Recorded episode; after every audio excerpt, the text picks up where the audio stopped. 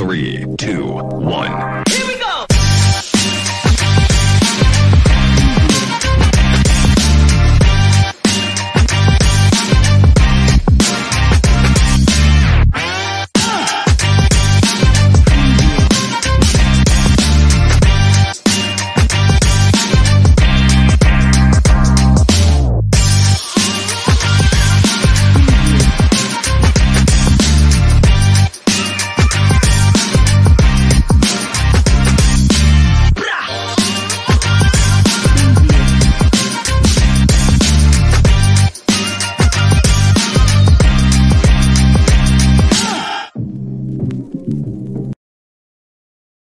kedves nézőket itt a harmadik spanalízisbe, ami a második évadot illeti, és most már összejött a Mester 3-as, ugyanis itt van velem Dönci és Patrik is. Sziasztok! Szia Dönci, szia Patrik!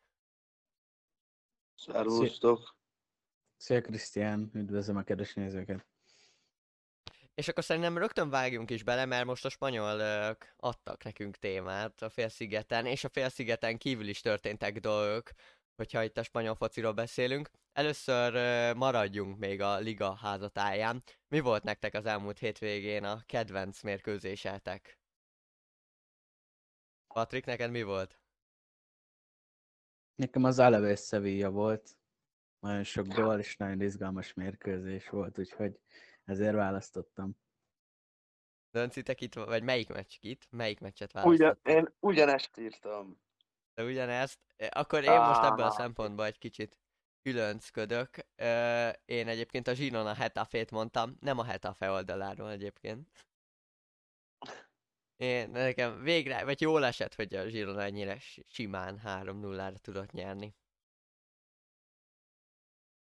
Meg az is, hogy Stuani még, még úgy néz ki, hogy képes ilyen teljesítményre. Még úgy is, hogy 36 éves most már az öreg. És akkor nektek ki a hét embere? Patrik, te ki, vagy na, akkor Dönci most te egy, te neked ki a hét Na. embere? Nálam Jude Bellingham. Hát, ezt nagyon összehoztuk. Na, ti szinkronban nyomjátok. Egyébként beszéltük adás előtt, hogy hát Patriknak mondtam, hogy nekem két ember van, az egyik Jude Bellingham nyilvánvalóan nekem is, de én akkor mondom a második, másikat, Kike Garcia egyébként, a, Mm, Deportivo Alaves csatára, ugye, aki a hétvégén duplázott az Nem Alaves Sevillán, pontosabban az már nem a hétvégén volt, hanem hétfőn. És lényegében az ő két gyors gólja ott a második félidő elején, hát azt lehet mondani, hogy döntő volt találkozó kimenetelét illetően. Bellinghamet meg nem kell meg- megindokolni. Valószínűleg, vagy kell. nem. Két gól, egy assziszt. Azért ez, ez egy igen szép teljesítmény. És akkor beszéljünk még egy kicsit Bordálászról is, hogyha már azt mondtam, hogy itt maradunk még a ligatáján, és utána egy kicsit elkalandozunk messzebb. A messzebb pedig egyébként majd Ausztráliát jelenti.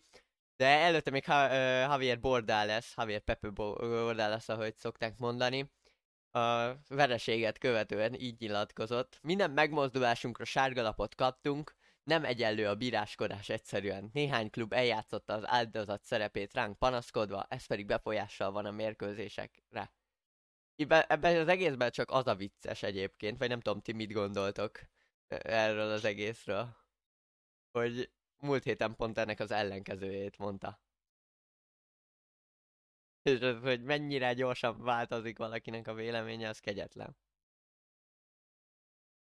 Patrik, te mit gondolsz Hát- erről?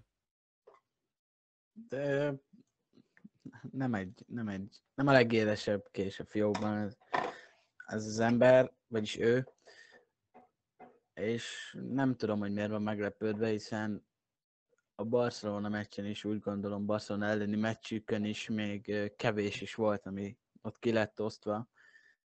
Úgyhogy e, én nem panaszkodnék, tehát ez lassan ők lesznek az új Atletico. Csak mondjuk az Atletico fent tud maradni, ők meg nem fognak valószínűleg, vagyis remélem, hogy nem fognak. De te mit gondolsz erről az egészről? Hát öm, én úgy gondolom, hogy erre mondják azt, hogy bohóc. Mondjuk Ez, mind a kettő jogos.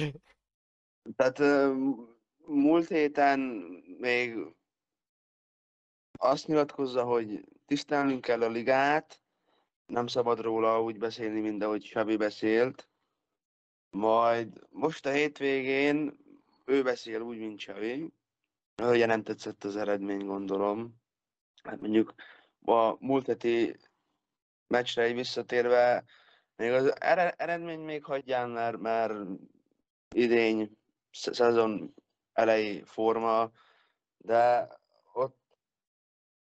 hát a, a gusztustalan szerintem még enyhe jelző, amit ők csináltak múlt héten a Barcelona ellen. Ott a, akkor ez jó volt, a héten már nem volt jó. Persze. Neki egy dolog fontos, mondjuk az, hogy három pont az meglegyen. Mondjuk, de ez tényleg így vicces, hogy egy hete azt mondta, hogy nem szabad kritizálni a bajnokságot, hanem tisztelni és szeretni kell azt minden hibájával együtt. Most meg azt mondja, hogy kicsit ilyen ellentmondó, hogy az egész úgy, ahogy van rossz. Bár mondjuk erről már múlt héten is ugye dumáltunk. Ugye múlt héten dumáltunk erről, Patrik? Ak, hát akkor dumálhattunk csak, mert akkor volt az Igen. első forduló, jó. Ö, hogy erről mondjuk nem feltétlenül Javier Tebas tehet arról, hogy kiket küld a bírói szövetség, a spanyol, pontosabban a spany, spanyol szövetség, amelynek az elnöke, hogy így átkössem, alkotott a hétvégén. Azt meg kell hagyni. Ö, ugyanis a női világbajnokságon a spanyolok győztek, ö, végül mondanám azt, hogy szokásosan egy Real Madrid játékos rúgta a győztes gól, de sok köze mondjuk így az egészhez nincsen. az a lényeg, hogy ö, Olga Carmona góljával egyébként nyertek a spanyolok az egyébként vasárnap délben rendezett ö, döntő, nyilvánvalóan ez ö, Ausztrál idő szerint ö, estére esett, ahol a lefújást követő fél órában történtek az események igazából. Kezdődött az egész, hogyha, hogy maradjunk időrendi sorrendnél, azzal, hogy a Báholyba uh, Rubiales, uh, most maradjunk annyi, Jackos, Jackos mozdulatot tett, hogy Michael Jackson szokta fénykorában. De tényleg. Ö, ezzel amúgy szerintem akkora nagy probléma nincs, hát most kitört belőle az öröm. Mondjuk az más kérdés, hogy kettővel mellette a spanyol királyné ült. De hát, na. Ezzel még szerintem úgy önmagában nem is lett volna probléma. Bár nem vagyok benne egyébként biztos, hogy ő teljesen tudatában volt, mert ő azt állítja, de én azért kicsit megkérdőjelezném, hogy ő teljesen tudatában volt annak, amit utána is cselekedett. Ugyanis ekkor jöttek a spanyol játékosok, akiket uh, végigölelgetett, ebben mondjuk szerintem nincsen semmi, vagy hát ebben nem szabad semmit sem belelátni. Két ember örül egy sikernek, amit elértek valamennyire még végül is közösen. Aztán jött Hermoso, akit uh, sikerült, hát maradjunk annyiba, hogy arcon csókolni, most lehet, hogy szájon is sikerült éppen a kamera szögéből, ezt százszerzekre nem tudjuk megmondani. Mondjuk számára rossz szemszögből is készült, mert így még jobban elhihető, hogy őt szájon csókolta, amiből mondjuk a spanyol média még nagyobbat kerített az egészből, mert szerintem, vagy hát abba mindenkivel megjegyezhetünk szerintem, hogy ez nem helyén való. Mert most az, hogy mondjuk átöleli, azzal szerintem semmi baj nincs, de hogy így arcon csókolja, az már egy kicsivel problémásabb. De hát jó, nem ismerjük az embereket, és hogy erre ott mondjuk a spanyolok hogyan reagálnának.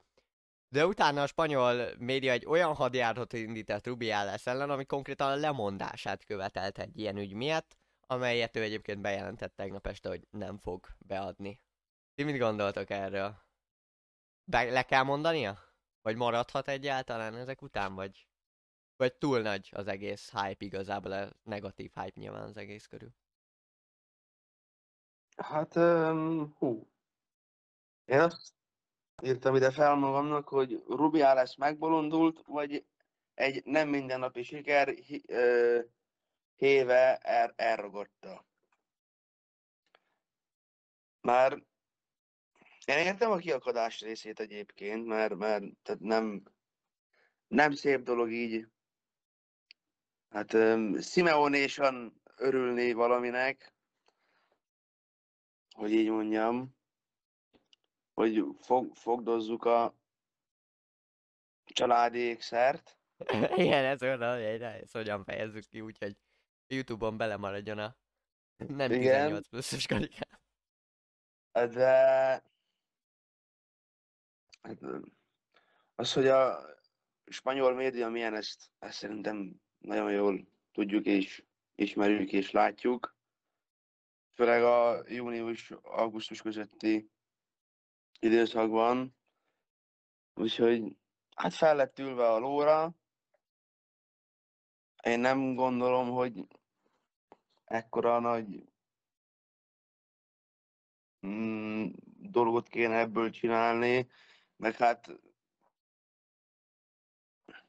nem tudom, de ez ha az áldozat sem tolja túl, akkor ezt a médiának miért kell? Igen, mert egyébként Hermoso ki is jelentette. Bár ugye a ref kiadott egy közleményt egyébként, hogy ez a Hermoso teljesen okés volt, amit Hermoso utólag nem, hát nem ő cáfolta meg egyébként, de Hermoso családja cáfolta meg, hogy ő ilyet elméletleg nem mondott, most itt ki, kimond igazat. Ö, De Hermoso utólag a buszom, azt már biztosan ő jelentette ki, mert felvétel van róla, hogy ő nem fog ebből problémát, vagy na, ügyet csinálni, nagy ügyet csinálni. Patrik, te mit gondolsz erről? Kell ebből nagy ügyet csinálni, vagy le kell Nem, nyomni? nem, nem. Abszolút nem. Hát amit Tönci is elmondott, én totálisan egyetértek az egésszel, hogy azért van ok felháborodni, de ott a pillanat hevében bármi megtörtént. Nyilván azért van egy határ, de most ez, hogy ha valaki még, még az anyukáját is szálljon csókolja, és abból se csinálunk nagy problémát. Nyilván ezt most néhány százezer, millió ember látta, ezért van ebből ekkora probléma, de hogy így, hogy ki van jelentve, hogy nem, nem lesz semmi, meg ilyen poénként kezelték, nem is úgy, hogy hú, hát akkor ebből most bírósági ügy lesz, meg mit tudom én, meg lemondatjuk a, az elnököt. Ö, tehát nem így kezelték, szóval nekünk miért kéne úgy kezelni? Mármint nekünk, mint kívülállóknak. Igen, úgyhogy-. Semmi ok szerintem arra, hogy lemondjon.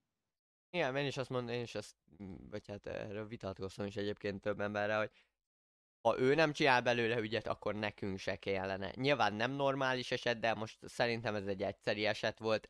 Ha ebből nem tanult, akkor mondjuk másodjára már azért ne csinálja meg ugyanezt.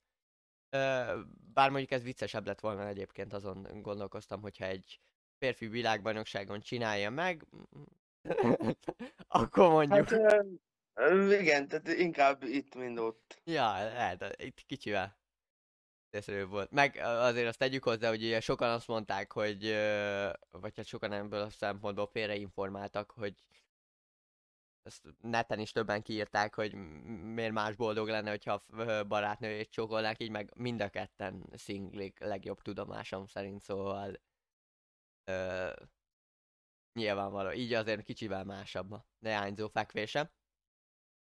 Na de, akkor beszéljünk most már visszatérve még a szekundáról, ugyanis a másodosztályban is alkotott, mondjuk ez szerintem inkább volt vicces, mint kínos. A Gion edzője egyébként Muriel Ángel Ramirez a hétvégén így szemléltette a, a góllövést. A gól olyan, mint a lányok a diszkóban. Ha megrögzötten kergeted őket, tuti faképnél hagy mind. Ha meg elengeded a kérdés, másra koncentrálsz, a munkára, a dolgodra, arra, amivel igazán foglalkoznod kell a pályán, egyszer csak kopogtatnak a hátadon, és azt kérdezik, hello, mi a helyzet? Na, a gól is pont így érkezik meg. Szerintem ezt két oldalról lehet megközelíteni. Egyrésztről, hogy ez mennyire jó szemléltetése valójában annak, hogy egy csapat hogyan szerez gólt. Másrésztről kiakadtak, nem véletlenül többen is. Ugyanis, hát ez egy ilyen elég fura szemléltetés volt egyébként. Most maradjunk az első opciónál. Valója, valóban így jön a gól? Hát, öm, Dönti, te Öm. mint tanuló edző ezt így meg tudod erősíteni nekünk? öm, én azzal kezdeném, hogy ez a szemlélet, ez, ez, hát ez mondjuk úgy, hogy hibátlan, ugyanis velem most pont ugyanezt történik egyébként. A magánéletembe, de hát, öm, hát azért egy gólt akarni kell, na. Most azért, azt azért nem mondja nekem senki, hogy valaki úgy lő gólt, hogy nem akarna. Vagy hogy nem keresed a lehet, lehetőséget. Hát eleve egy csatár att- attól jó, ha jól helyezkedik, ha, ha gólt akar lőni, ha keresi a góllövő, gó- góllövési lehetőséget.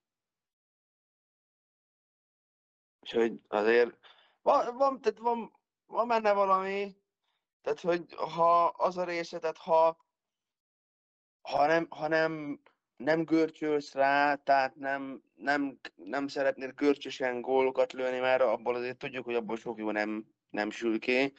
Tehát ez a része egyébként igaz, tök igaz, de nem teljes mértékben.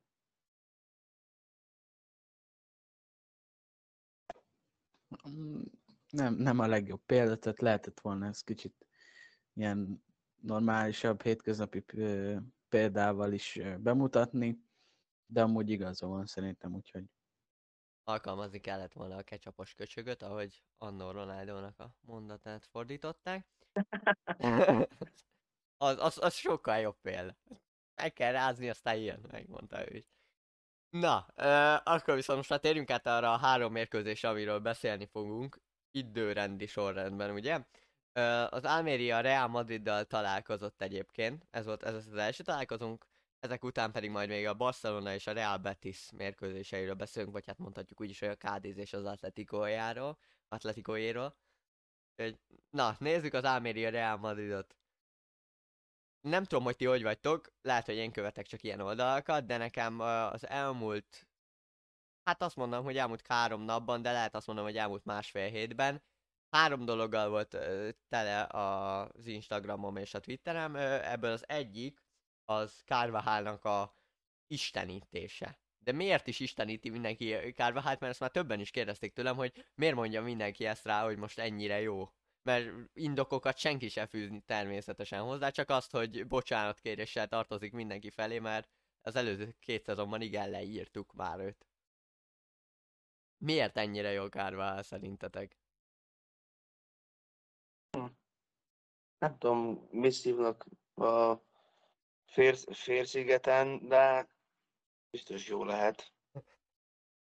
Mert te szerinted nem annyira jó, mint amennyire valójában írják? Egyébként. sose volt.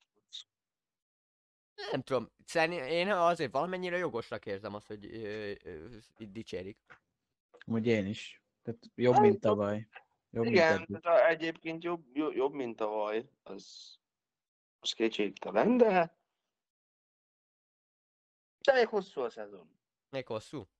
Nem tudom, abból a szempontból szerintem jogos, bár nagyon egyszerű szerintem az indok. Hogy nem tudom, te Patrik, mit gondolsz indoknak? De neked mi lenne az indokot, ha meg kéne? Bár a te szádból furán hangozna, hogyha Kárvál dicsérnéd.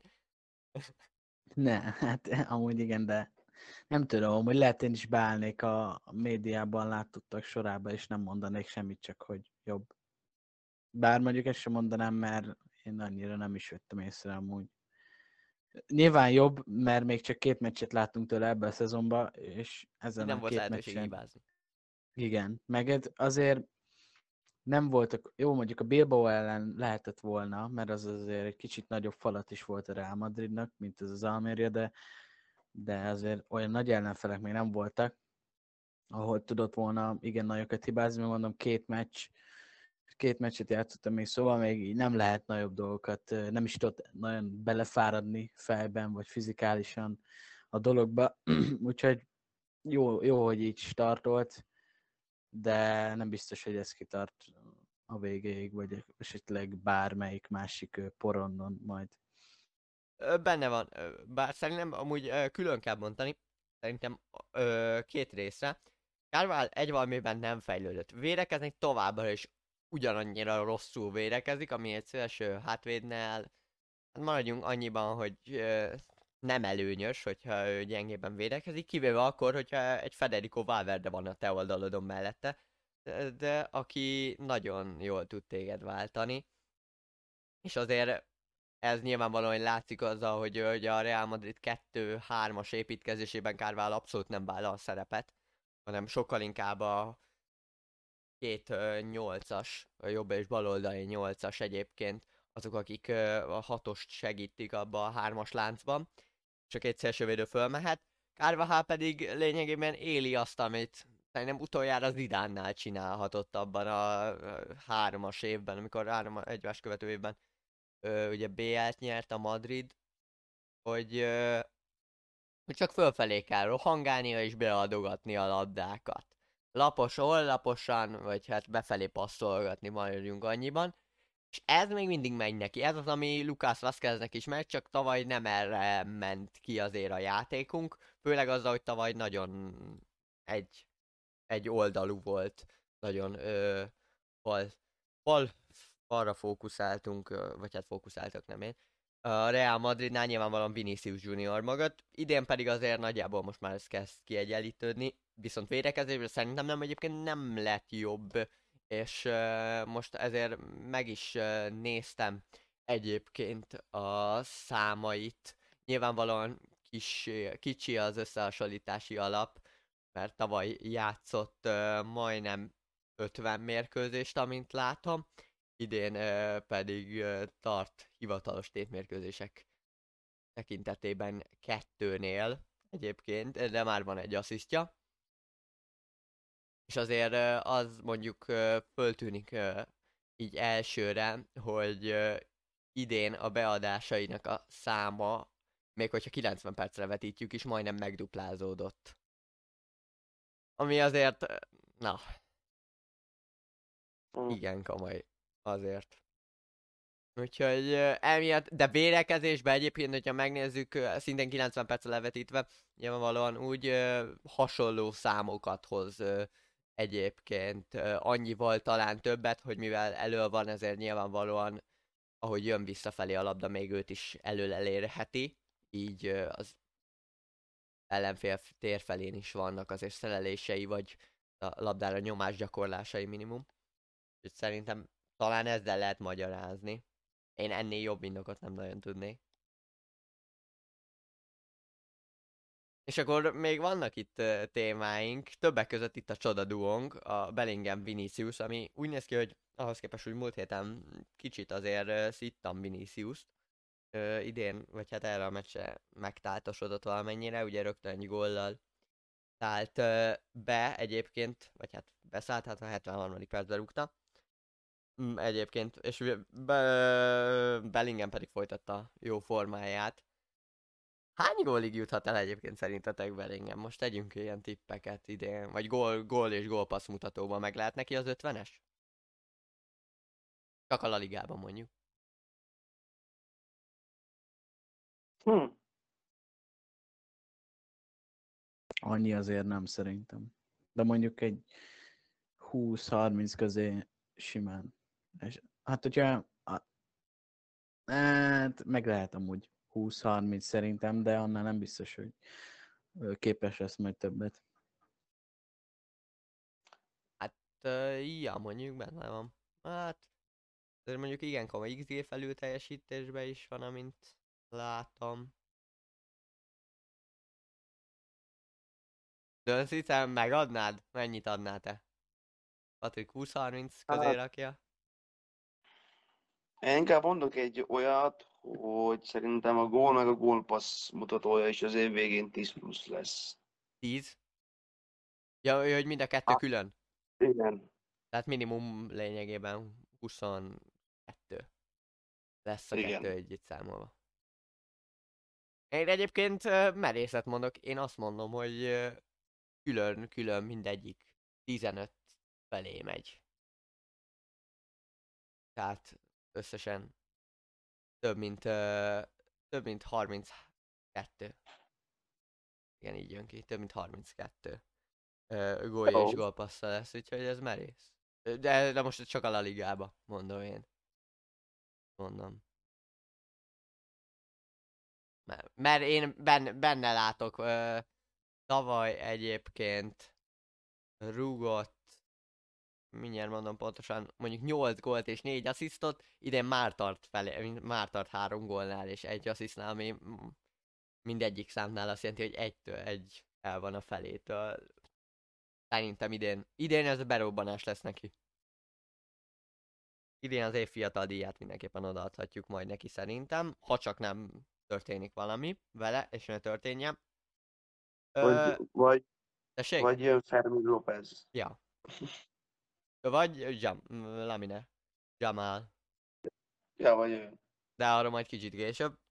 Na, de ti egyébként mit gondoltok erről a duóról? Ez így mondjuk tudja helyettesíteni a Benzema Vinicius duót? Egyébként? Patrik, te szerinted lehet ez akkora az évek folyamán? Nyilván más, de Hát nagyon más, igen, de nem tudom.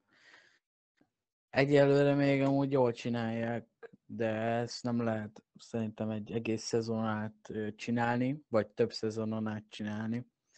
Tehát valamelyik kölyüknél ö, nyilván most ö, Vinicius még nincs annyira nagyon felülteljesítésben, de mm, vissza fog esni mondjuk Bellingham biztosan néhány forduló után, tehát nem lehet minden meccsen két gólt rúgni, de hogyha ezt meg tudja csinálni, akkor tényleg bármire képes.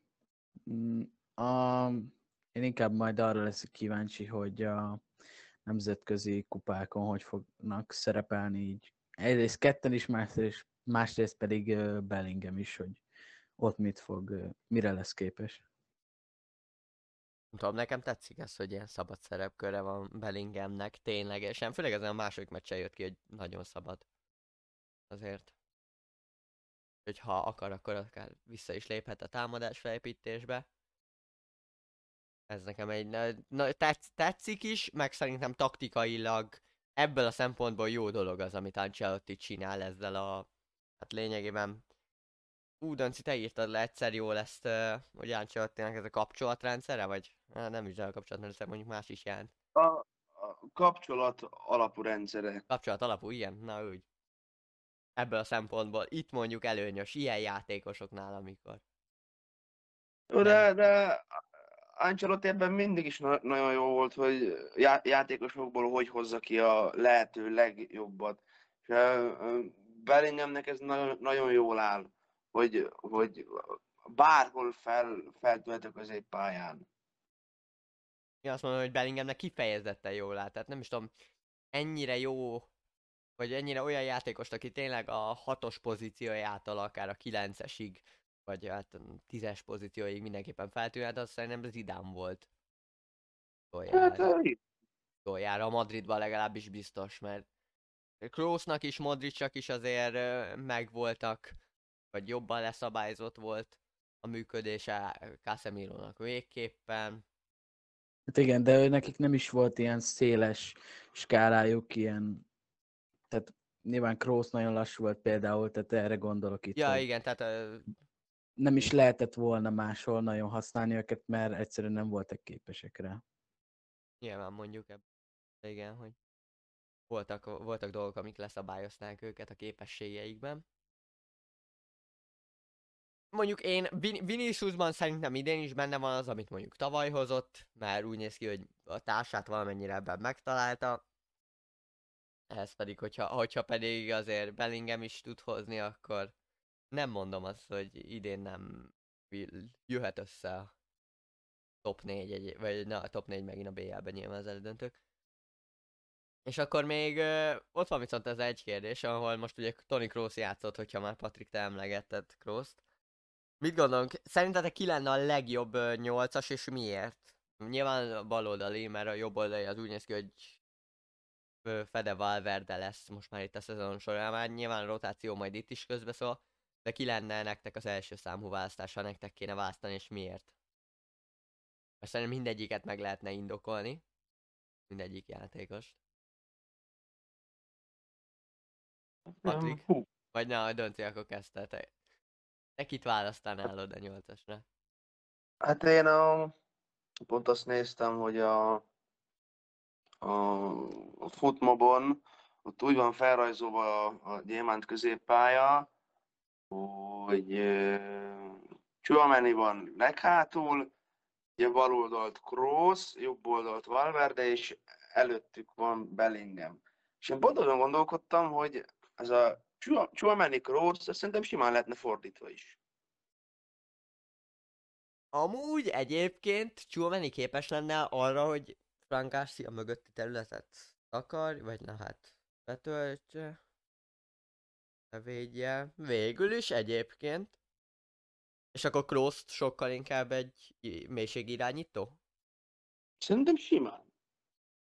Hát most figyelj, előtte, most, most figyelj, oké, hogy Kroos nem, nem gyors, nem, nem olyan fizikális, de akik előtte vannak, azok mind azok.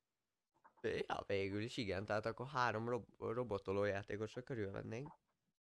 Tehát most ö, simán lehetne ez egy Busquets Barcelona középpálya. Jó, mondjuk azért Busquets, igen, de azért a Barcelona kicsivel másabb, mint a Real Madrid ebbe a kontra. Akkor viszont, ugye nyilván akkor meg ott van, akkor most mondok egy ellenérvet, akkor a kontránál mit csinálsz? Mert hogy a kontrákat Toni Kroos-szal kevésbé jól tudod levédekezni, és a gyors indításokra szerintem Kroos kevésbé képes, vagy a sok rohanásra. Ebbe az átmenet fociba, amit valószínűleg idén is játszani fogunk. Hát most attól függ, hogy tehát most ha, ha már ha, várjál, tehát most a, mikor a, a Real Madrid kon, kontrázik, vagy mikor őket kontrázzák. Mind a kettő, amikor egy ilyen átmenetpárbaj kialakul, ha- mint ami mondjuk itt az már- Almeria ellen is azért igen gyakran kialakult. Mert ha mikor a Real kontrázik, szerintem a, abba szerintem ő nagyon jó lenne, hogy Ő mikor abban ki még. De amikor őket valaki. kontrázzák le. Hát az már, hát ja. Az, Azért te is tudod, amilyen gyorsan megy előre, hogy nem véletlenül mondják, hogy amilyen gyorsan megy előre a labda, olyan gyorsan is szokott az visszajönni. Hát igen. Hát jó, mondjuk ez igaz. De szerintem nem lenne ez rossz. Igen, mondjuk. Tehát egy sokkal lassabb, beülősebb védekezés ellen, ö, mint ami mondjuk a Hetafe ellen is kellett volna a Barcelonának Busquets, hogy ő mélységből irányítson, amire Frankie de Jongot nem volt képes. Szerintem arra igen működhetne. Csak ö, úgy néz ki, hogy abból vannak kevesebben. Hát most van a Cádiz, aki nagyjából hogy jobban visszaül, meg a Hetafe. Meg még a Sevilla képes nyilvánvalóan. Spanyolországba. De ez évi hat meccs. Még ha a. Sevillát is oda veszük. Tehát, eh, tehát ezért nekem ez... De, vagy hát nyilván ez érvek ellenérvek ez az egész. Én ezért, én ezért gondolom így. De Mondjuk így, így, így, így, így, így most meg jobban belegondolva, mondjuk ez most lehet, hogy nem lenne amúgy tényleg jó, így, hogy uh, Militao is lesérült, mert a ko- kontrák ellen az ő sebessége sokat számít. És azért így, Ja, hogy ő igen. sem lesz, az jogos. Bár azért Hát, Rüdiger se annyira, Rüdiger lassabb lehet? Amúgy. Rüdiger se lassú, az is biztos, de Inkább Alaba szerintem az, aki lassabb. igen. Ő az, aki sokkal inkább lassan megfoltoltabb. Nem most mondom, hogy teknős, de valamennyire ő, ő azért a fejében ott van a lassan jár további, ez szerintem. Ilyen is. De hát, de hát mondjuk azért valamivel ő is spótolni. Ugye Patrik, te egyébként kit, te kit raknál? Én egy, egyet tudok érteni azzal, amit itt most ö, előhoztatok, felhoztatok.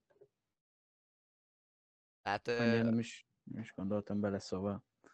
tehát a Ja. gyorsabb, vagy hát na, a gyorsabb tempói meccseken menni? Inkább? Akár. Még Kamavinga lehet, lehet, hogy érdekes lenne, hogyha ő kezdene, de szerintem azt nem meri megkockáztatni. Ancelotti. Ja, minket is amúgy érdekes lehet hatosba. Még ő. Hát, Bár ő az inkább baj, szerintem ez, ő a nyolcas. É, arra gondolok. Ugye te arra gondolsz inkább? Igen, igen, igen, igen. Hát Kamavinga szerintem a nyolcasba még azt mondom, hogy el is kezdhet.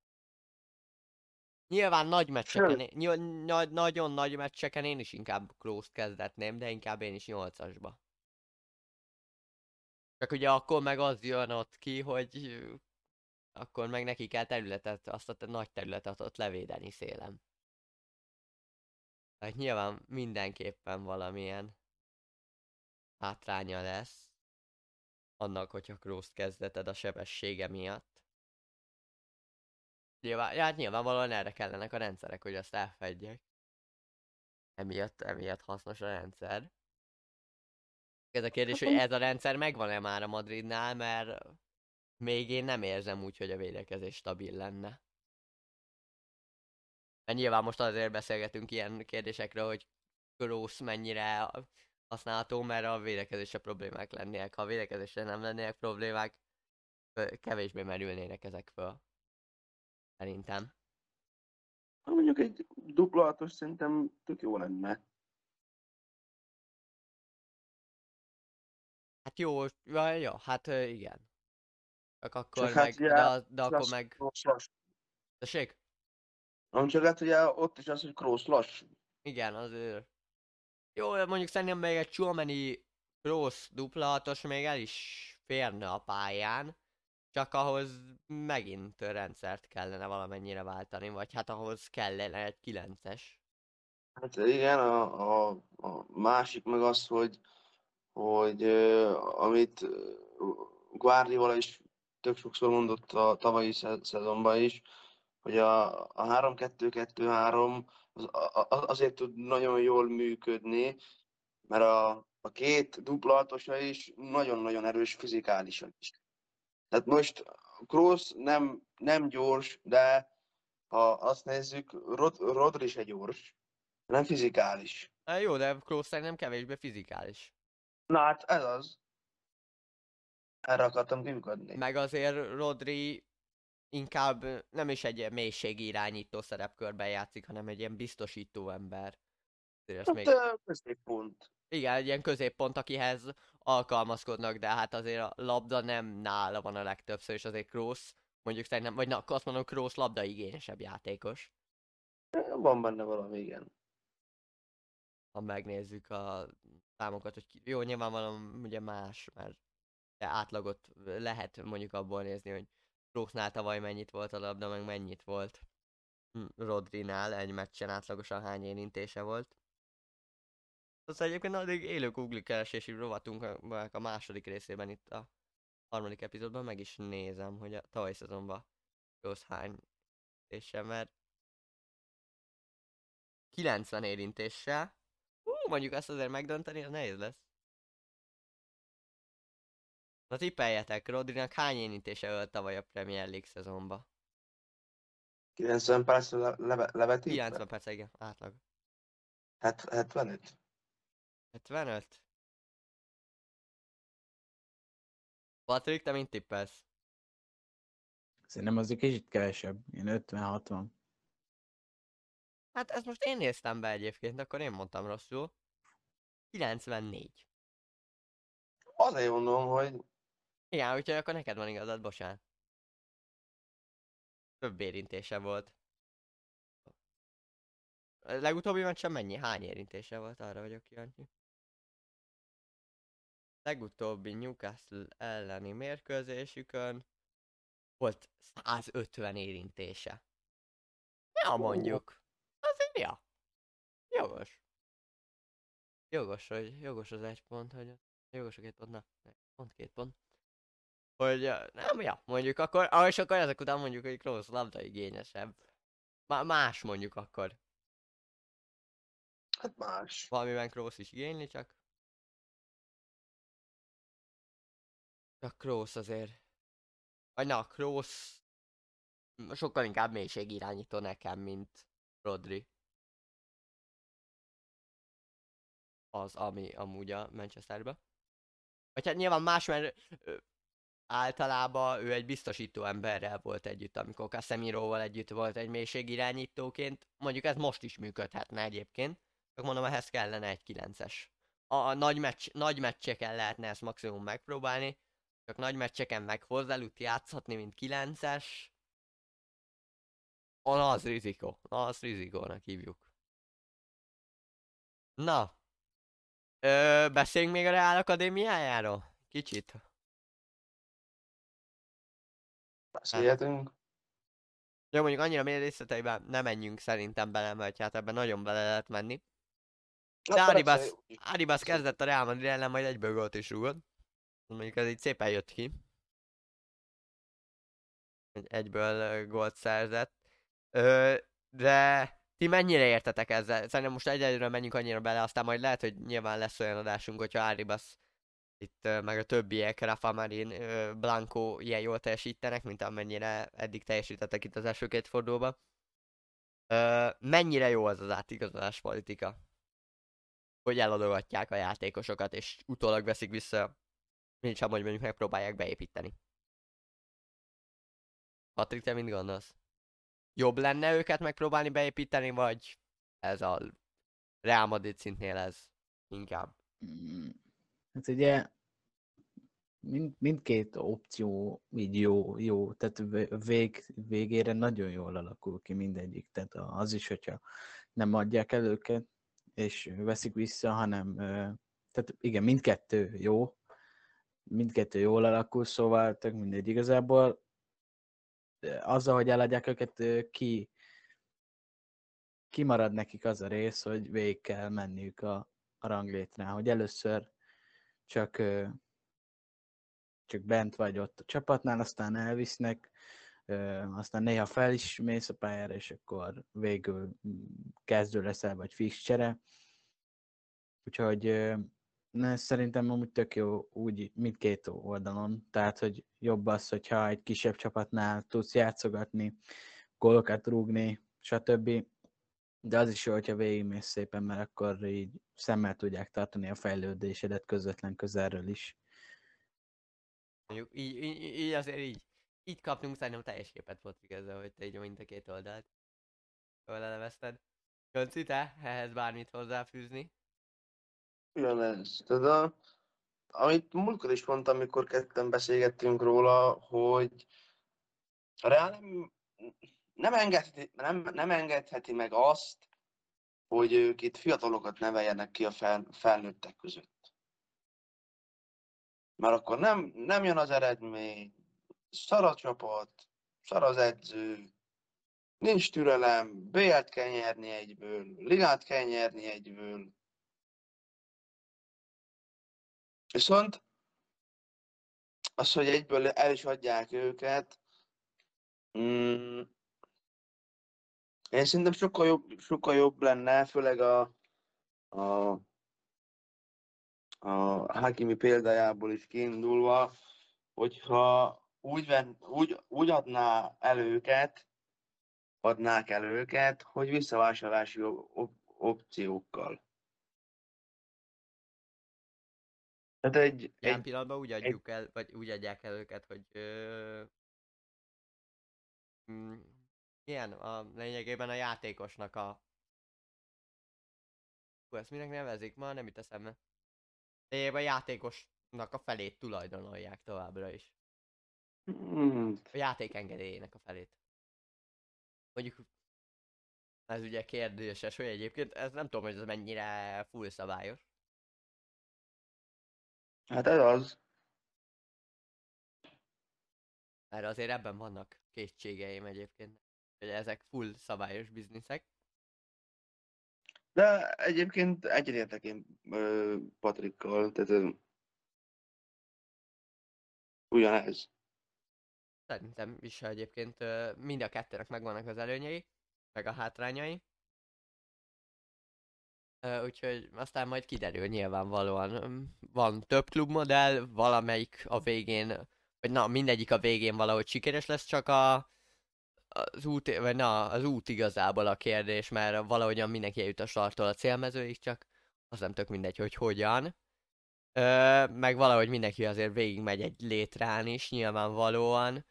Pa, ö, hogy Patrik is említette ezt a létrás példát. Patrik, hol tart akkor szerinted, ha már te említ, emlegetted ezt uh, Lamin Jamal, a Barcelona fiatalja ezen a létrán most? Melyik pontnál? Ezt pont mondtam is. Ö, talán ő már ott tart.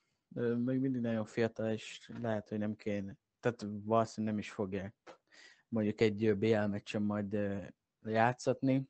vagy akár ilyen kisebb csapatok ellen még előfordulhat, de hogy szerintem ez egy nagy ugrás volt, hogy most a kezdőben őzték, sokkal inkább update kellett volna, mert update azért pont úgy visszatért ugye egy elég jó szereplésből szerintem Oszaszónától, úgyhogy neki kellett volna, de végül is jól alakult, szóval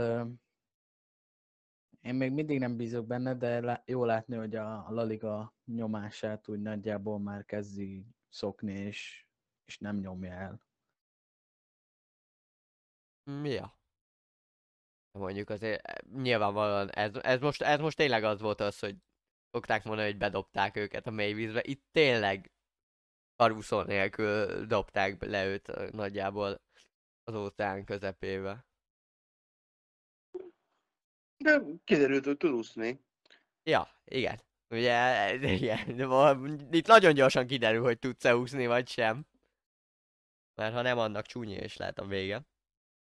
Tehát a támadósor legkreatívabb embere volt. Kreativitásban? Na ja, kreatív, kreatívnak mondjuk igen. Kreatív volt. Még nyilvánvalóan szerintem az az egy hiányzik, a, ami a befejezések. Még az az egy hiányzik.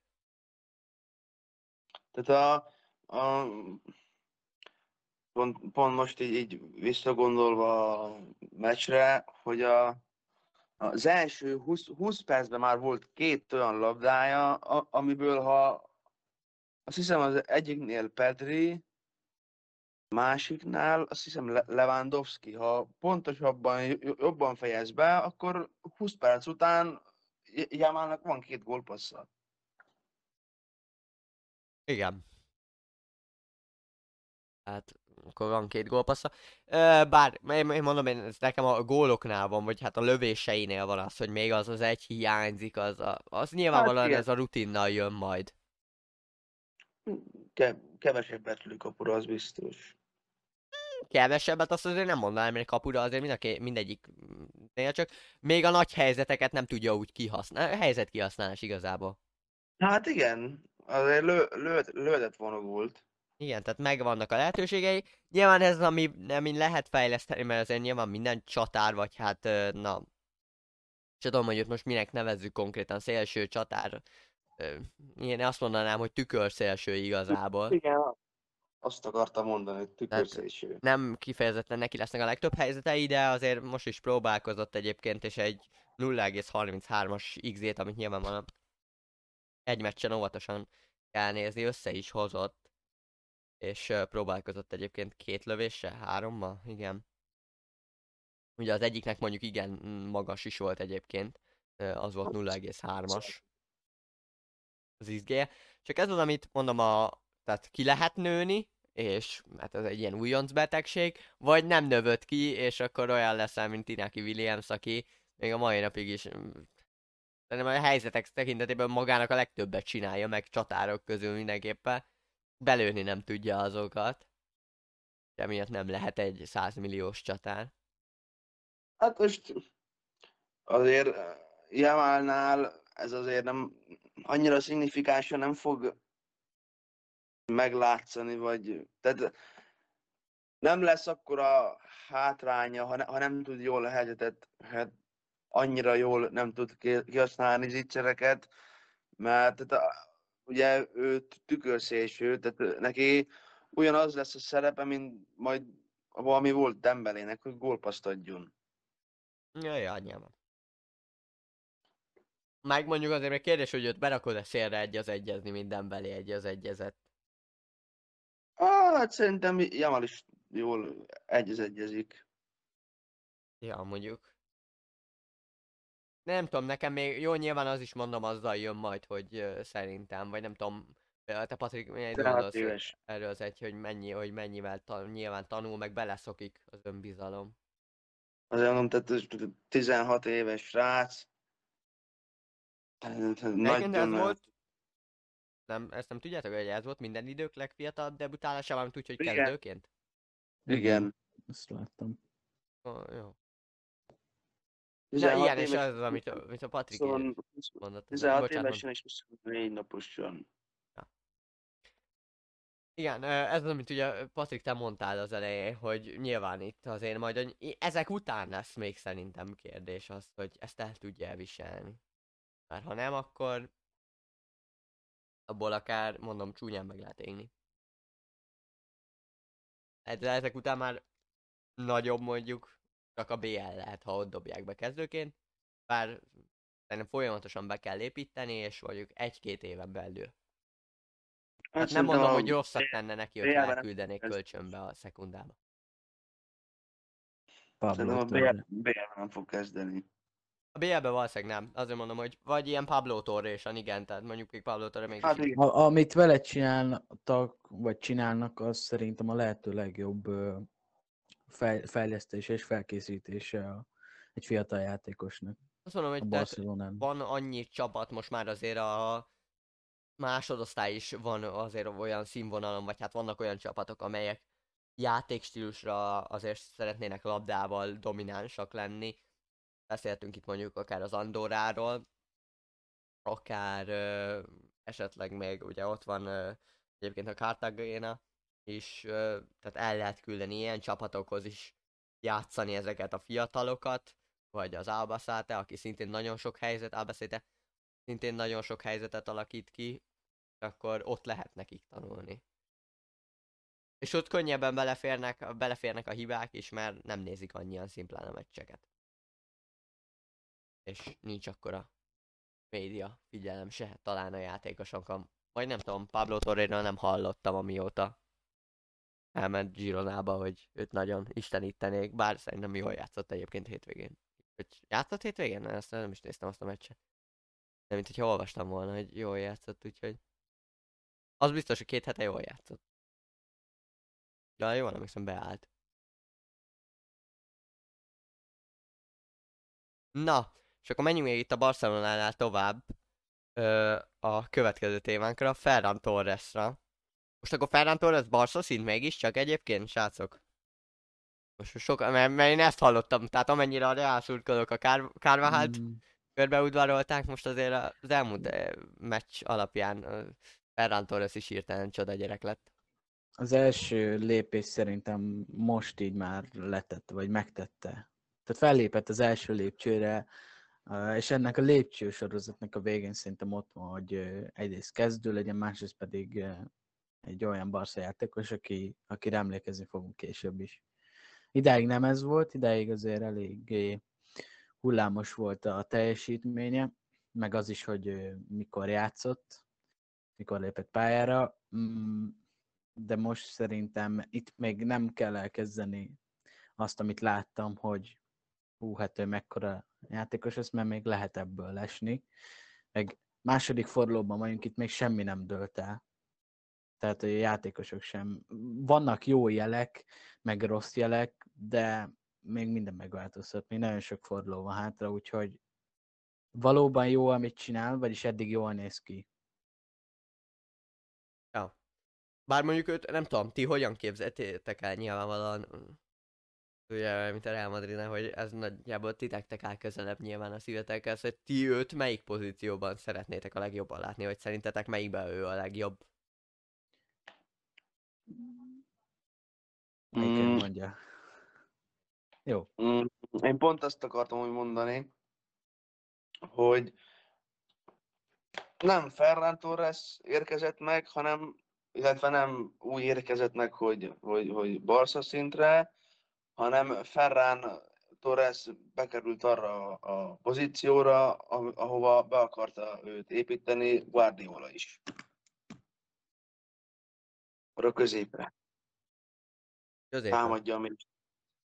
Igen, csak ö, én nem tudom, nekem nekem még mindig kérdéses lesz, mert azért egyrészt ott vannak a sérülései is, vagy Patrik, te, mely, te melyik pozícióra raknád őt?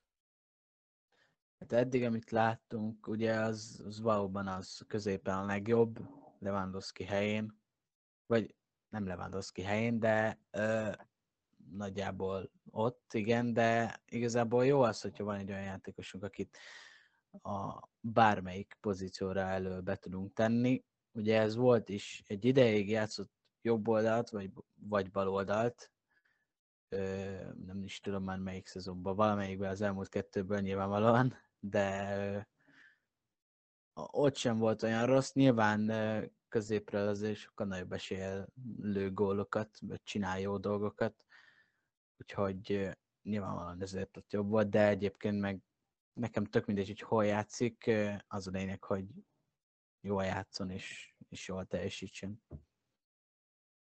Mm, Igen, nyilván. Az, el, az első szezonjában volt 21-22-ben a Barcelonával az, hogy ő baloldal játszott nagyon sokat, vagy többet. Egyébként arra visszatér. Megmondom azért, nekem inkább ez a, ez a hamis 9-es. Tehát ő, amiben Guardiola is megpróbálta belerakni, még ugye Holland előtt.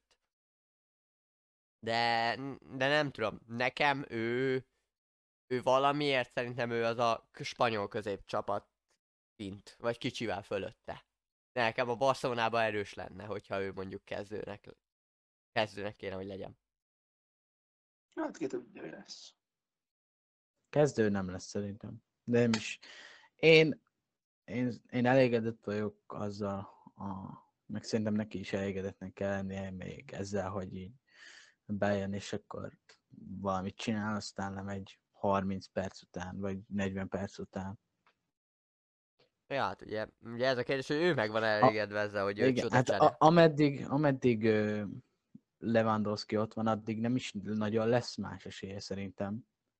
Maximum, hogyha nagyon nagy a szűkölködés, és nagyon sok a sérült, vagy piros lap, mint ugye, ahogy intézte a Rafinha is, akkor be kell állni egész meccsre, de ő még szerintem egy néhány évig, egy három évig biztosan csak ilyen úgymond backup lesz, aki így beáll, becserélik 60-70. percben. Egyébként Rafinha aztán mennyit kapott? Megmaradt? Kettő meg... Kettőnél? Igen, mint Xavi. Ja, Jó, azt mondom, hogy Xavi aztán megállt végül kettőnél. Ugye, Egyébként öm, ez akkor lesz majd még nagyon érdekes a Torres helyzete, ha jan- januárban jön Rocky. Jó, tényleg. Jön végül, aztán ő januárban őt is elengedik, mint a Santosos Ö. gyereket a Rómába. Ö, így van, de ez így, így már szerintem meg is egyeztek, ha jól emlékszem. Tehát januárban jött volna alapból, csak ugye hát ha ugye aztán mi, mikor jött az, hogy Dembélé elmegy, hogy hát akkor nyá, nyáron kéne, de aztán a, nem engedték el. Igen, ugye a csapat, ahol most játszik, az úgy volt vele, hogy ameddig lehet kihúzzák. Mármint, hogy vele, hogy, hogy azért ott legyen. Ja, hát ugye ő, ő decemberig tart a bajnokság, valahogy december 8-án ér véget. Nyilvánvalóan. Ebben nem vagyok ennyire jól tájékozott, szóval nem tudok segíteni. De, az abban biztos vagyok, hogy december elején hallottam valamelyik nap a Santosos gyerek kapcsán mondom, akit meg szintén ilyen őket hármakat mondják, ö, ilyen nagyon tehetségesnek, Marcos Leonardo, azt hiszem. Ö, úgy hívják őt, ugye, Enrique mellett. Enrique? Enrique. Igen, Marcos Leonardo őt. Már ő mondjuk már kicsivel idősebb, ő már 20 éves. Ő már mondjuk azért 20 évesre rámondani idős, az azért igen. Merén. De, jó, a- de ebben a kontextusban igen, ő az End- idős. Endrick, aki ugye most 17 vagy mennyi? Nem, Igen, Jövőre, amikor igen. Reálhoz lesz, a Reálnál játszik, akkor mondjuk már 18 lesz.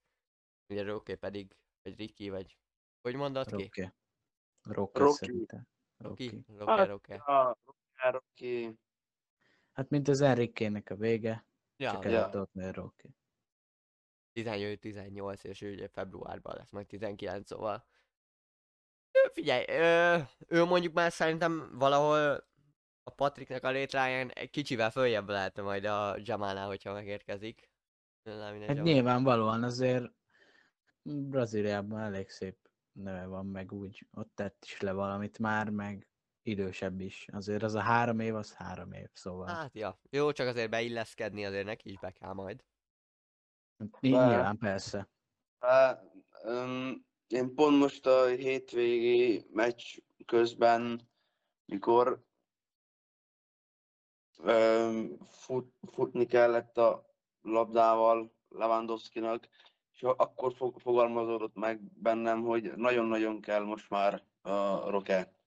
Tehát annyira lassú Lewandowski, tehát eh, lehet ez csak én, én vagyok így, de engem idegesít sokszor, hogy ő már milyen lassú. Mondjuk szerintem sose volt annyira gyors. Hát, ó, tudom, de, de most már nagyon-nagyon látszik rajta. Most jó, hát nyilván most ő is 34 körül van. 31-35. Igen, Most tehát előbb-utóbb le kell őt is várni. születésnapja, Tessék? Most volt a napokban születésnapja, igen. Akkor Tegnap utólag van. is boldog születésnapot kívánunk neki. Innen. Magyarországra. Na, ö, de visszatérve rá, igen, tehát azért őt is előbb-utóbb le kell cserélni szerintem a közeljövőbe, tehát az elkövetkezendő, mondjuk azt mondom, hogy egy-két évben. A kérdés ugye, hogy oké, nem láttam, hogy őszinte legyek, ilyen, nyilván ilyen összeállításokat, mint Endrikről láttam, de egy teljes meccset nem láttam még a brazil bajnokságból, hogy ő milyen típusú játékos, ezért nem is mennék bele, nem tudom, hogy valamelyik ötök ezt jobban tudja hát, ha hogy ő azért egy 9-es, vagy egy ilyen területben mozgó játékos inkább, vagy hát magasságából adódóan ö, egy ilyen bója nem lehet. Hamis 9-es. Tessék? Inkább hamis 9 ő, ő egy ilyen, ő egy ilyen Uzmán Dembélé, csak nem szélsőben, hanem mindig hamis 9-es. Két lábas, gyors, jól, jól cselez. Szerintem tök rendben van a, a, a döntő képe, tehát a, a anticipációs készsége szerintem tök jó. Tök jól, tök jól, jól tudja azt, hogy mikor cselezzen, mikor passzoljon, mikor lőjön. Csak hát még ott, meg hát ugye, ugye, be kell neki majd ill- illeszkedni is, az, is, az is szerintem lesz egy jó egy, egy, egy fél év, fél egy év. Igen, mert ugye neki nem csak ö, úgy mondva, hogy hát más az, amikor Európából igazolgatnak, Európán belül igazolgatnak játékosok, hanem egy teljesen másik kontinensre kerül, más kultúrába. Bár mondjuk még a Igen, de- spanyol van talán a brazilhoz legközelebb, meg a portugál.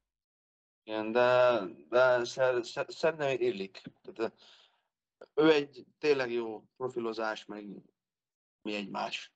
Ö, Én, én abszolút hiszek, mondom, nem láttam, szóval megbízhatónak tartanak, na. Ö, nem tudom, mondjuk egyébként, hogyha ő egy ilyen hamis 9-es, akkor szerintem az még simán működhet is. Csak akkor megint majd az lesz a kérdés, hogyha ugye Jamal ilyen befelé mozgó felfordi- ö, fordított, vagy na tükörszélső, de jó, hogy kitalálták ezt a szót. Ö, a, akkor majd megint kell egy szélső, aki szélességet tartja, szélsővédő. Hát, ja. A, tehát én ezért tartanám egyébként a Fre- ö, Ivan Fresnél igazolást jobbnak, mint a Cancelo. Mert ő azért én- inkább az a szélső. Én is, de hát sajnos nem én ülök ott Dekó helyén, meg Alemani helyén. Alem, Alemáni helyen mondjuk sokáig már nem is ülhetnek emberek. Alemáni még, már. még egy hét.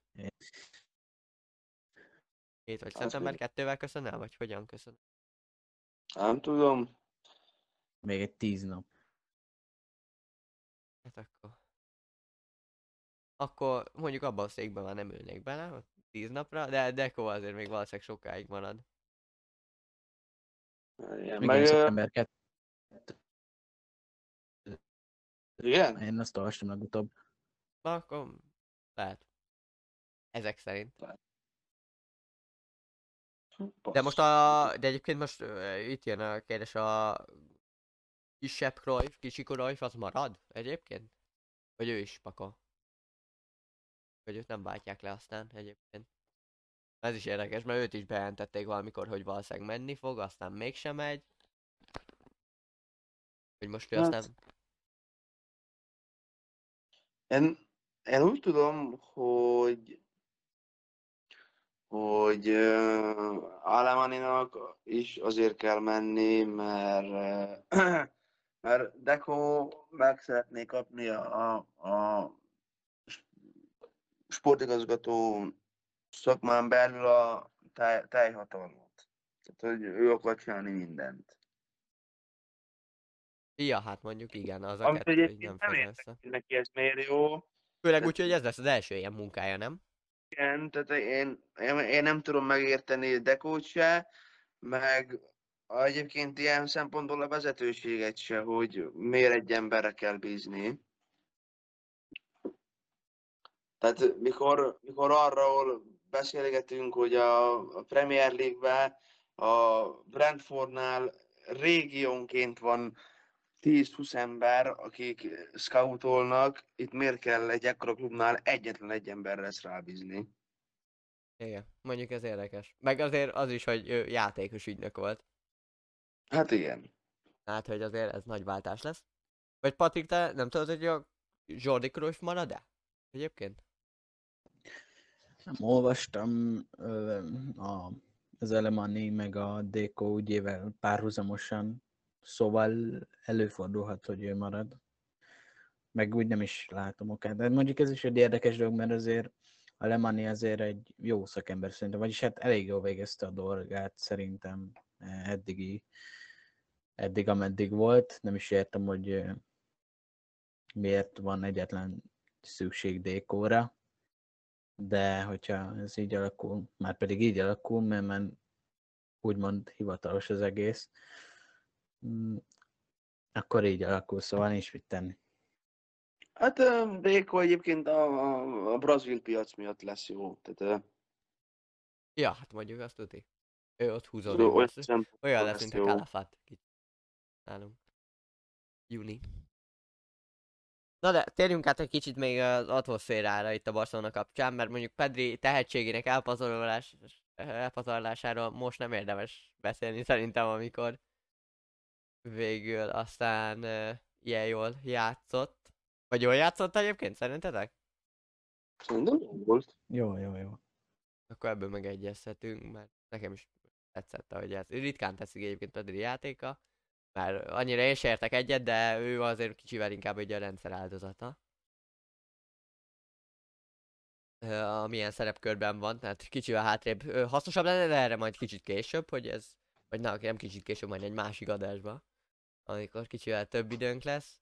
Ö, De a Barca idén mennyire van hazai pályán, mert nagyon nem volt hangulat szerintem. De legalábbis a helyszínen mindenki ezt mondta, aki kim volt. Érthető. Hát ö, Szerintem. nem tudom, hogy ezzel lehet egyébként szerintetek valamit kezdeni? Mert ugye elméletileg most sztrájkolnak az ultrák is valami miatt. Hát igen, mert nem, nem, nem engedték, nem, nem tudják őket ugye be, beengedni teljes létszámmal. De ezt nem teljesen értem. Nem adunk el elég bérletet, de az ultrákat se tudjuk beengedni? Hát ugye, én Várjál. már nem, az a baj, én most már nem emlékszek rá, de pont a, most hiszem múlt héten láttam egy ilyen közleményt, vagy hát hírt, hogy a, ugye van egy, van egy ultra, úgynevezett ilyen ultra, ultrák szabálya, tehát a, van egy megá- megállapodása a Barcelonának és a Barca ultráinak. Igen, igen. Igen, ilyen sok. Egy- és a stadion mérete méretéből adódóan ezt megszegte a klub. Ja, ja gondolom hely. Hát persze, tehát, ö, és a, kiadtak egy közleményt a, a ultrák, hogy amíg ez nem rendeződik, addig nem járnak ki a meccsekre. Az mondjuk azért komoly. Ö, jó, mondjuk ugye Spanyolországban az ultrák helyzete azért mindig is ugye, érdekes volt, mert ugye már ott korábban ugye a Reálnál is már viszonylag korán Perez az elejét vette az ultráskodásnak, Betisnél is azt hiszem most már a komolyabbak ki vannak tiltva, Sevillánál még vannak, de az Atletikónál is most már azért kezdik őket kitiltogatni. Mert ö, ott azért sok utaságot csináltak az ilyen elvakult ultracsoportok, meg azért régebben ott is nyilván valamit máshol is, inkább ott a politika vezérelte az ultrákat, és kevésbé a klub szeretet. Ezért tudtak azért igen csúnyán is összeverekedni. Na de visszatérve erre, más helyeneken ezt már meg tudták oldani, nézhetjük a Betis vagy a Sociedadot akár, vagy a Sevillát, hogy milyen jól meg lehet oldani ezeket a problémákat. Nem tudom, hogy a Barcelona ezt mikor fogja, mert ez így egy vagy két éven keresztül nagyon rossz lesz. Mármint, hogy lényegében nincsen hazai pályád, mert hazai pályán is egy semleges helyen játszol, és nem tudsz egyrészt olyan környezetet sem teremteni, ami az ellenfelet meg félemlíteni, meg a saját magad támogatását sem tudod elérni. Hát igen. És, és ez így igen fájdalmas. Főleg amikor Spanyolország egyik legnagyobb klubjáról beszélünk. És a lép konkrétan a kapujában van a csapat annak, hogy újra visszakerüljön arra a szintre, ahova, ahonnan leesett. Igen. Vagy hát legalábbis nagyon közel van hozzá. Hát e- e- ezek jelentik a problémák. Tehát én, tehát én nem a csókos csókolózással foglalkoznék a spanyol szövetség helyébe, hanem ezt sürgetném, hogy e- ilyen problémák ne legyenek. Ez teljes mértékben jogos. Meg egyébként ez ugyanúgy Tebászékra is vonatkozik, tehát eh, nyilvánvalóan, mert ez még lehet, hogy az én számból egy kicsit hülyén is hangzik, hogy, hogy sajnálom, hogy a Barcelonának nincsenek ultrái, meg nekünk sincsenek, de ez azért hozzá tartozik. Mert most azért már Bernabeu is visszanyerte azt a hangulatát, de azért itt is évek kellettek. Meg főleg akkor furcsa ez, hogy nincsen hangulat, amikor a csapat nem rossz már alapvetően, hanem pont az Patrik te is mondod, hogy följön már a régi szintjére. Tavaly is már ugye volt az, hogy többször is tüntettek, szájkoltak az ultrák, nem mentek be az első fél időre. És ezeket a problémákat muszáj lenne megoldani. Csak ez az, amiben mi abszolút nem is tudunk belelátni szinte, mert nyilván ehhez ott kell lenni, és benne kell lenni ezekbe a ügyekbe, hogy abszolút belelássunk. Mert ez mondjuk akár a médiát annyira nem is érdekli, pár pedig szerintem inkább erről lehetett volna írni, hogy mi is történik valójában a ultrák és a klub között. Na de, akkor szerintem most a Barcelonával is végeztünk, vagy beszéljünk még a Barcelonáról, vagy a Cádizról, szerintetek? Mondjuk Hát hát, tudom, hogy beszélnétek. Én Napot. szerintem elég volt most már. Na, Ja, akkor még térjünk át a Betis Atleticóra. Akkor na, menjünk vissza jobban a pályán játszott futballhoz. Egyébként szerintetek unalmas volt a meccs? Dönci, te... Mondd el, hogy te mit írtál szerintem. hogy te hogyan cselekedtél a meccs közben? Hát um, mondjuk úgy, hogy elkapott az, á, az ál, álmosság így a 36-7-8. perc fele. Annyira azért, akkor te se élvezted a meccs- meccset. Hát, nem azt, hogy dög unalmas meccs volt, mert amúgy volt, volt, volt neki egy jó tempója. Tehát nem, nem volt ez a teszetoszok izé, futball, de nem ezt a meccset fogom visszanézni még tízszer. Patrik, te? Nem az az 1-0 volt, a, ami mondjuk, nem tudom, most az az egy, nem az az 1-0 volt, amiben nem volt semmi. Tehát nem volt unalmas a meccs, szimplán nem mindkét csapat ugyanolyan rossz volt, hanem ugyanolyan jó volt. Szerintem. Lehet. Nyilván nem nézzük vissza, mert, mert annyira azért nem jó. Tehát kevés meccset nézek én vissza alapvetően is. De kell egy ilyen X is. Tényleg szerintem azért, ha csak a mérkőzés izgalmat nézzük, azért voltak. Tehát mind a két csa- csapat azért akart támadni, még Simeonék is, és voltak érdekesek, sőt szerintem volt nagyon sok kimaradt ö, zicser. Már zicser nem, de a, a pályán mm, nyilvánvalóan támadás közben kiadott úgymond a zicser, vagy hát kiadott lehetőség, amiket tehát simán meg lehetett volna próbálni, mind a Betis oldaláról, és akkor most mindjárt be is vágunk majd ide egy képet. Mm, ugye jól látszik, hogy egyébként az Atletico-nak a szélső védői, mind a két oldalon a szélső védők, ú, vagy hát ö, ti látjátok a gépet, most mi nem látjuk, ö, ugráltak ö, ki egyébként ö, a Betisnek a két ö, szélen elhelyezkedő játékosának, ami nem volt ö, szime- aszimmetrikus volt ez az egész, mert ö, egyik oldalon ö, egyébként ö, szélső védő tartotta a szélséget, a másik oldalon pedig egyébként a szélső uh, José Perez volt az, aki a szélességet tartotta, de, de az jól látszódott, hogy ö, mindig, amikor megkapták volna a két szénalabdát, akkor az Atletikónál Simeone elrendelte azt, hogy a szélsővédők egyből ugorjanak ki, és ezeket a területeket, amik ilyenkor mögötte nyíltak, igyekeztek lefedni, de azért főleg mondjuk amikor a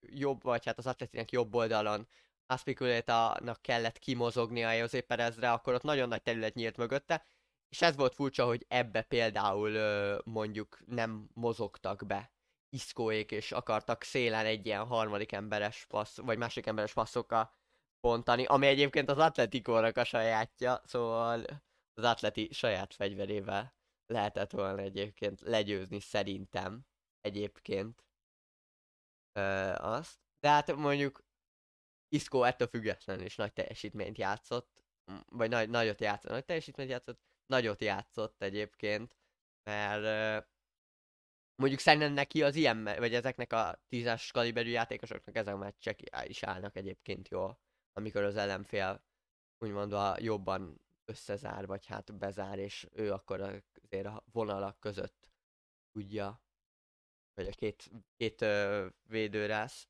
védőrész között ö, mozoghatnak. Bálint, vagy te mit gondolsz? Um, aj, nem találom a...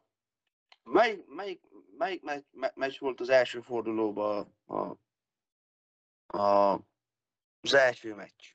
A Real... Nem.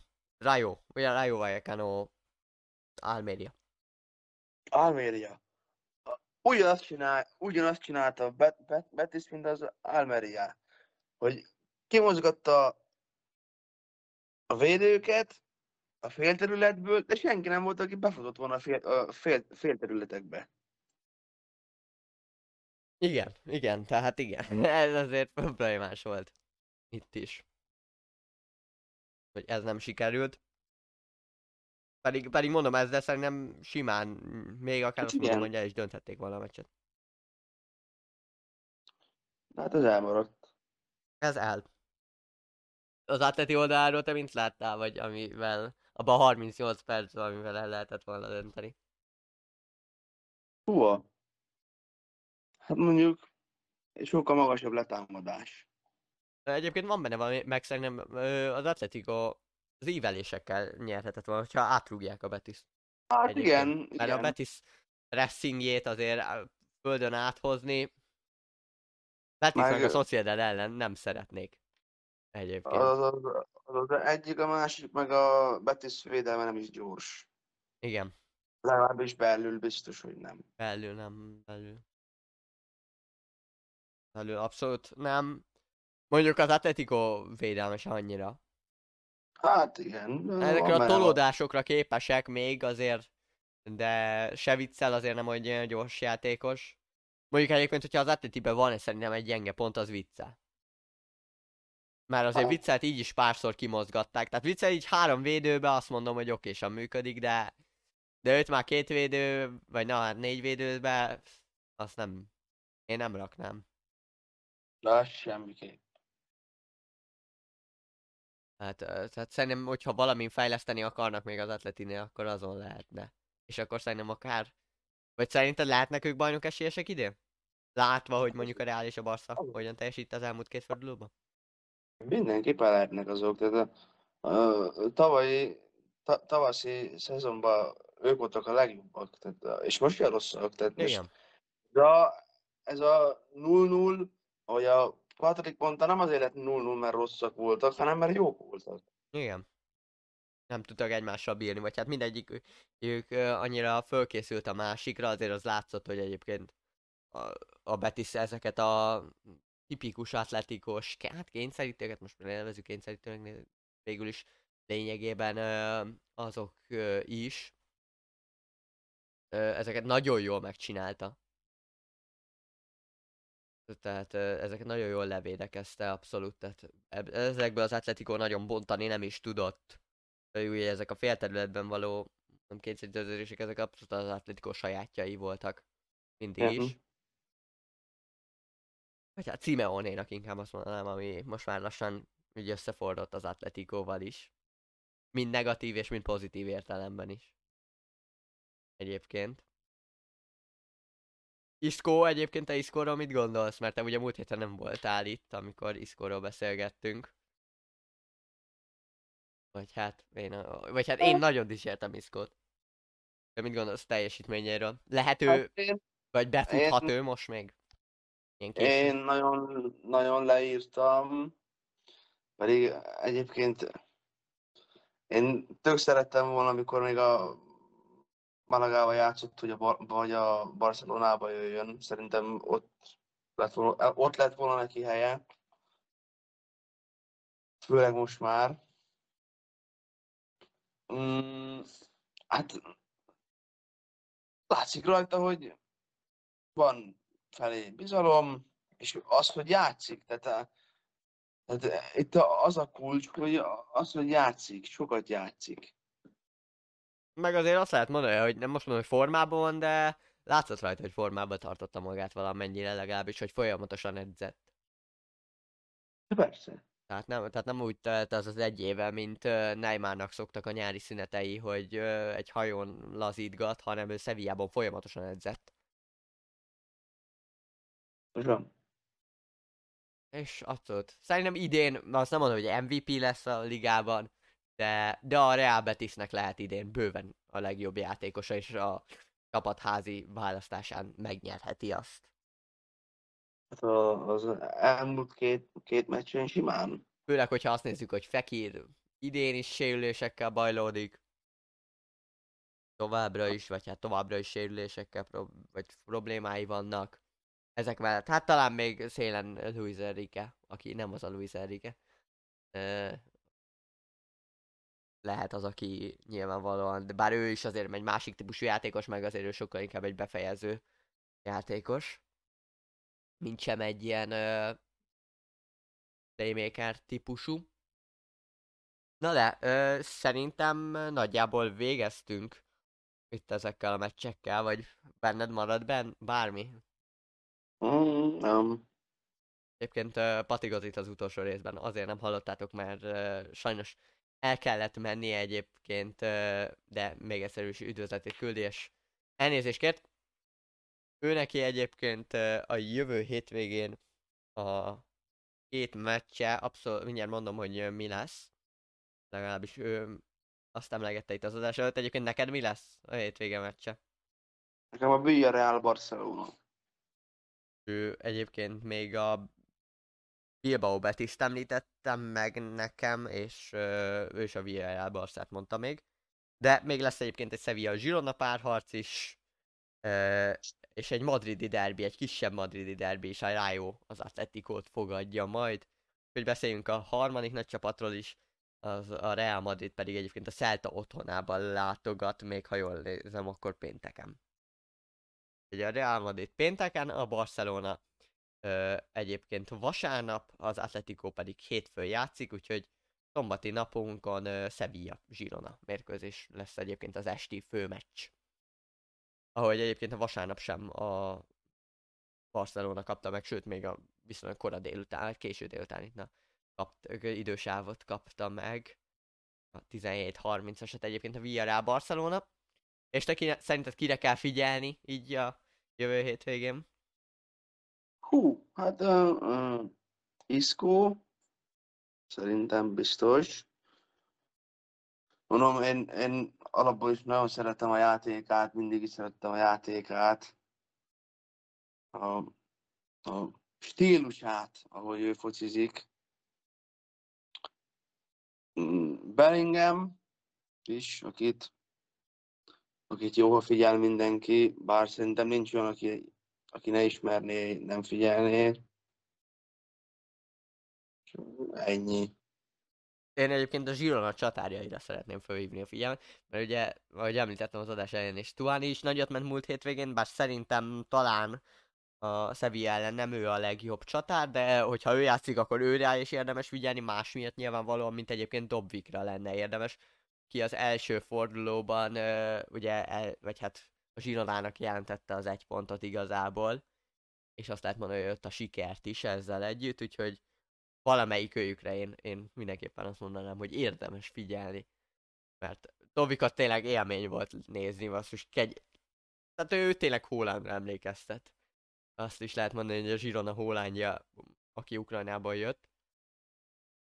Na és Denci, köszönöm, hogy itt voltál, egyébként köszönjük Patriknak is, hogy itt voltak, és akkor a végére sajnos elmaradt a Mester 3 de majd jövő héten foly- foly- folytatjuk remélhetőleg, és ö, érkezünk további tartalmakkal egyébként a spanyol női válogatottnak még egyszer gratulálunk, Rubi lesznek szintén, ö, na jó, neki nem.